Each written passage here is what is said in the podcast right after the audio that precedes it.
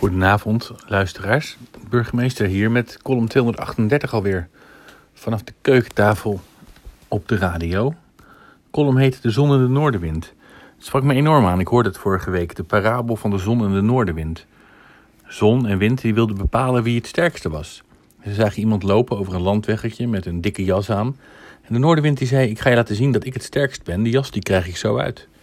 En hij ging waaien en hij ging blazen en het woei en het stormde. Maar wat er ook gebeurde, die jas kwam niet uit. Nee, sterker nog, die man die trok die jas dichter om zich heen. Die kroop er bijna in weg. De noordenwind die droop af, die baalde. Toen kon zon het proberen. En de zon die ging schijnen en die ging stralen. De wandelaar die kreeg het warm en eerst vond hij het wel lekker. Maar ja, toen ging de zon nog meer van zichzelf laten zien en toen werd het wel heel warm. En toen deed die wandelaar zijn jas maar uit. En toen moest Noordenwind wel toegeven, de zon had gewonnen. En het is nou ook niet zo met een discussie.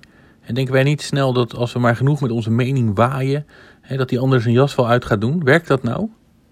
Dat wij stormen met onze mening? Of ja, zou het kunnen zijn dat als we gewoon stralen en de ander ook laten stralen, dat we eruit komen en dat we verder komen?